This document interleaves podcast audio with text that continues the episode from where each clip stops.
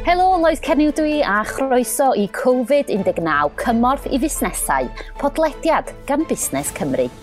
Hi, I'm Lois and welcome to COVID-19 Support for Businesses, a Business Wales podcast.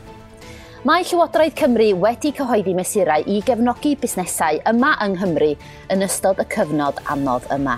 Yn y benod yma, mi fyddwn nhw'n clywed sut mae'r diwydiant trefnidiaeth a'r diwydiannau therapiau corfforol yn ymateb i'r argyfwng. The Welsh Government announced measures to support businesses across Wales during this tough period. And in this episode, we hear how the transportation and physical therapy industries in Wales have responded to the situation with the help of funding. Emma Stevens, cyfarwyddwr haiab yn plant transport yng Nghaerdydd, ac Andrea Parry, therapydd galwedigaethol niwrolegol yn United Rehab Solutions yn Sir Ddinbych sydd yma i ddweud mwy. Emma Stevens, Director of Hiab and Plant Transport in Cardiff, and Andrea Parry, Neurological Occupational Therapist at United Rehab Solutions in Denbighshire, are here to tell us more. Business Wales, we are here for you, for your business and for your future.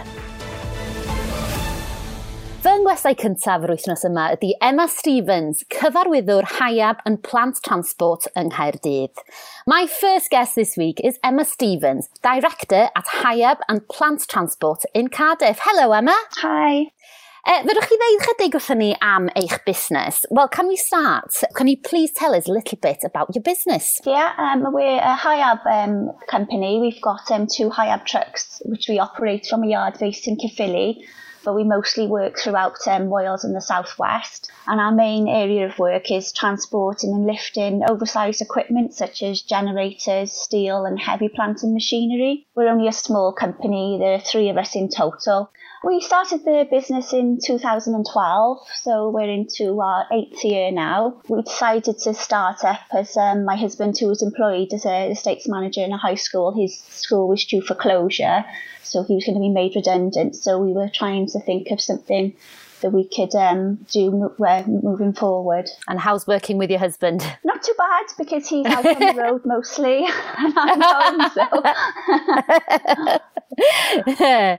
Da chi wedi gwneud cais ddiweddar am gronfa cadernid economaidd sydd ar gael drwy Lywodraeth Cymru i gefnogi busnesau yng Nghymru mewn ymateb i'r argyfwng Covid-19. Um, ehm, Sut nath chi ddod i wybod am y gronfa? You have recently applied for the Economic Resilience Fund that has been made available from the Welsh Government to support businesses in Wales in response to the COVID 19 outbreak. How did you find out about the fund? Um, well, I was uh, constantly searching online for any help that was available for small businesses as things were uh, changing on a daily basis. Um, and in the beginning, any funding that was out there, we weren't eligible for, um, as we don't run from a premises like a shop or a bar or anything like that. So we don't pay business rate. So, and we're not um, self-employed, so we couldn't get any help from that avenue either. But I came across the micro business funding on the Business Wales website. So I carried out an eligibility check and results showed that we would possibly be eligible when I carried out this check, it was prior to the opening date for application, so I needed to wait a week or so to actually apply for the funding. A pa mor hwylus oedd y broses o wneud cais felly? Um, you mentioned that you have done the, the application process already. How did you find the process? It was simple, yeah, the application process was quick and simple. It didn't take long at all. Um, it just required a few basic business details and some financial details that we already had to hand with our final year accounts anyway. Um, and we received notification of our application immediately via email, so I knew that I'd completed it, sort of filled it out correctly. And then approximately a week later, we received confirmation that our application had been successful. And then we've actually already received the funds. That only happens a few days later. So in total, probably about two weeks from start to finish. Um, sut mae COVID-19 wedi uh, effeithio ar eich busnes? Can I just ask, how has COVID-19 affected your business? Well, our work has decreased massively um, because a lot of things have shut down, sort of like um, building contractors and things like that where we would normally deliver building materials to and plant and equipment. So, you know, our workload has decreased, you know, massively. Sut fydd y gronfa cadernid economaidd yn helpu eich busnes? Uh, beth yn union fydd ei fanteision? How will the Economic Resilience Fund help your business and what difference will it make? Well, receiving this funding has really helped ease the financial pressures that we're facing at the moment. Um, as like I said, our work has decreased massively, but most of our outgoings and costs still remain. Um, this funding has given us peace of mind and will go some way to ensure that our business survives this pandemic and has given us financial breathing space and I cannot tell you how grateful we are. A, ac yn amlwg, ydych chi'n gorfod edrych ar ôl eich hun hefyd yn llesol ac yn feddyliol um, yn ystod y cyfnod anodd yma. Sut ydych chi wedi bod yn mynd ati i wneud hynny? Obviously, your own well-being is really important at the moment as well. Um, how have you been looking after yourself during this really challenging time? Well, we're just making a conscious effort to try and remain positive. We're trying to take the positives out of the situation that we're finding ourselves in, you know, such as the amount of quality time we're able to spend at home with the family. Um, and also, I have more time to um, work on marketing our company online more to try and promote us and let potential customers know who we are and what we do to try and generate work for when it's safe to do so. You know, this is an area that we've sort of neglected previously and sort of took for granted. So I'm just trying to use the sort of the time wisely and I feel positive sort of trying to generate more business and I feel like I'm sort of doing something, you know. So when all of this is over, you'll hit the ground running. Hopefully, that's the plan.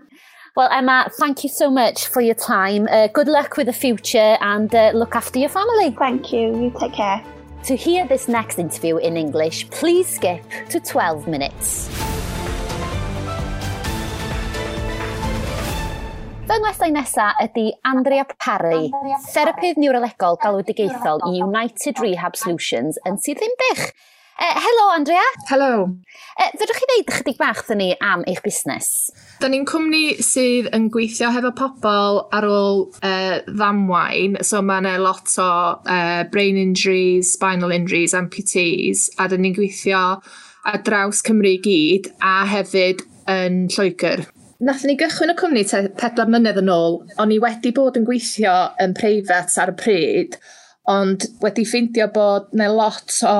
Um, Do'n ddim lot o joint-up working hefo, hefo'r therapist o gwmpas. Felly nathon ni penderfynu cychwyn y cwmni fel bod ni'n gallu gwneud mwy o holistic service, fel bod, e, fel bod chi'n gallu gweithio hefo'r physio, OTs a'r speech and language therapist heb hefo'i gilydd a fod y, y goals i gyd, fod, neu un gol yn lle lot o goals gwahanol. Mae gennym ni ar y funud 11 o bobl.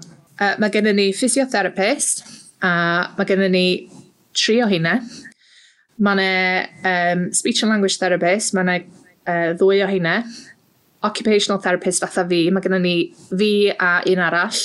A hefyd mae gennym ni therapy assistant, so mae nhw'n gweithio rhwng client a'r therapist i, i gweithio'r pethau rhwng y sessions i wneud yn siŵr bod ni'n cael consistency yn yr approach da ni'n defnyddio. A hefyd mae gennym ni pobl sy'n gweithio yn yr office yn helpu hefo fatha administration tasks. Rydych chi wedi gwneud cais yn ddiweddar am gronfa cadernid economaidd sydd ar gael drwy Lywodraeth Cymru i gefnogi busnesau yma yng Nghymru mewn ymateb i'r argyfwng COVID-19. Uh, Sut chi ddod i wybod am y gronfa?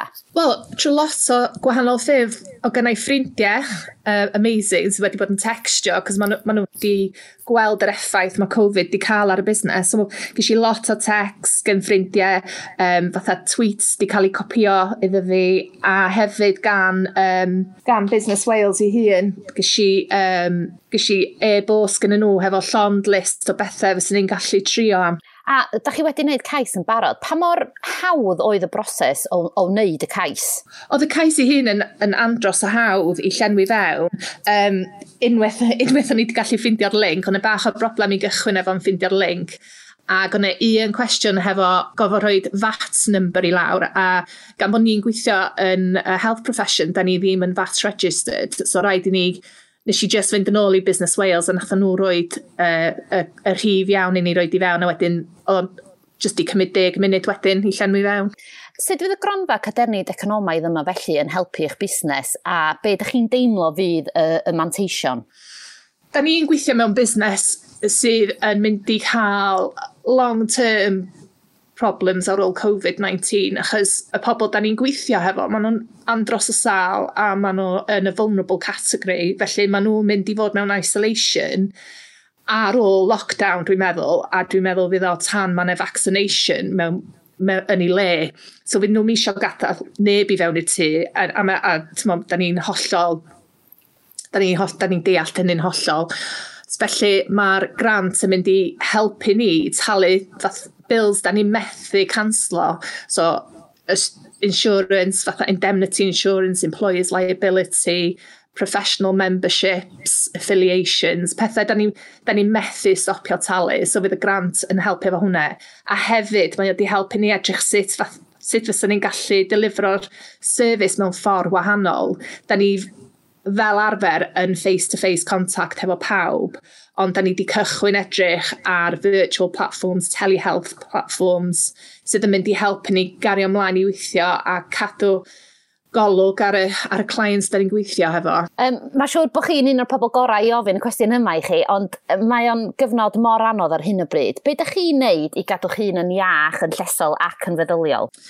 Oh, dwi'n meddwl bod yn, yn therapist galwedigaethol di helpu lot, achos dwi yn defnyddio lot o'r techniques dwi'n dysgu i'r clients fel gwneud yn siŵr bod gennau structured routine, da ni'n ni dilyn codi yr un un amser bob bore, da mae gennym ni, ni mae'r plant yn neud gwaith ysgol, a wedyn yn y pnawn, da ni'n trio gwneud rhywbeth gwahanol, rhywbeth chwilus sydd mynd allan am dro ar y beiciau, trio bita'n iach. A da ni'n trio bod yn creatif hefyd hefo'r plant um, i gadw spirit ni gyd i fyny. Da ni wedi gwneud fatha come dine with me evenings hefo nhw a homemade takeaway nights a pethau fel yna. Just i gael bach o hwyl a cadw pethau bach yn wahanol yn ystod y dydd gwych. Ydy'n iawn i fi ddod i hyn yn ynysu, fe chi?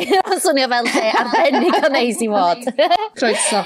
Diolch yn fawr iawn i ti am y sgwrs. O, croeso. My next guest is Andrea Parry, neurological occupational therapist at United Rehab Solutions in Denbighshire. Hi, Andrea. Hi, Eloise. So, can you tell us a little bit about your business? Yep, we are a, a rehabilitation company that includes physiotherapy, occupational therapy, speech and language therapy, and therapy assistance. And we predominantly work with people that have been involved in a catastrophic accident, so the likes of brain injury, spinal injuries, amputees, but also we see people with other conditions, neurological conditions, work related conditions, birth injuries, and so on. We cover the whole of Wales and into the northwest of England and Midlands as well. You have recently applied for the Economic Resilience Fund, haven't you? Uh, that was made available from the Welsh Government to support businesses in Wales in response to the COVID 19 outbreak. How did you find out about the fund? Uh, predominantly through friends who have been fantastic. They've um, seen the the difficulties that the COVID nineteen has, has that we've faced as a company in dealing with it, and for our clients, and they've just copied me into tweets or Facebook posts, but also Business Wales sent me an email. And in that email, there was a list of all the different um, options available to us. And how did you find the application process? It was fairly straightforward. Once we had the link, the application itself was easy. We just needed to get some advice from Business Wales because we're not that, as health professionals, we're not that registered. So you had to put a VAT number in the application, which of course we didn't have. So there's a bit of confusion over that. But once we had that number, the whole application took about 10 minutes, I think. And how will the Economic Resilience Fund help your business? Um, and what do you think the difference um, it will make? Well, for us, the long term effects of COVID 19 on our business will be significant because many of our clients are very poorly or very vulnerable. So they're going to be in isolation, I think, post lockdown. And I think a lot of them won't want to be seen until there's a vaccine in place, which we fully understand and, and support. So the grant is going to enable us to continue with some general housekeeping, like paying our professional fees, our insurances, things that we can't freeze. But it will also help us explore new ways of working with clients through telehealth um, and virtual platforms so that we can keep contact with them, try and help them maintain the gains that they've made up until this point. And I think you are probably one of the best people to ask this question to. But how are you looking after your own well-being during this really challenging time?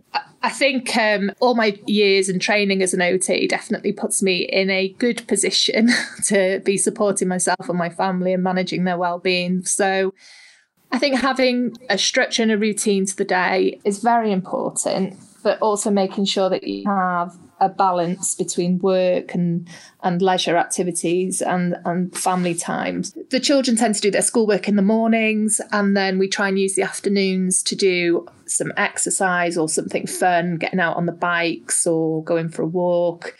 We've also tried to do set things up like come dine with me evenings so that each of the children have chosen a menu for that night that they cook, or we've done homemade takeaway nights. Just anything to bring a bit of spontaneity into the home on top of our, our normal daily routine, really. Well, it sounds like great fun and really, really great advice. Thank you so much for your time, Andrea, and look after yourself. And you. Thank you very much, Lois. Diolch am rando am ragor o wybodaeth am y nawdd sydd ar gael eich busnes chi. Ewch i businesswales.gov.wales. Cofiwch dan ysgrifio i'r podlediad a gadwch chi'n wybod beth ydych chi feddwl. Thanks for listening. For info on getting the right funding for your business, head over to businesswales.gov.wales. And don't forget to subscribe and rate the podcast and feel free to leave a comment. Covid-19, cymorth i fusnesau, podlediad, gan Busnes Cymru.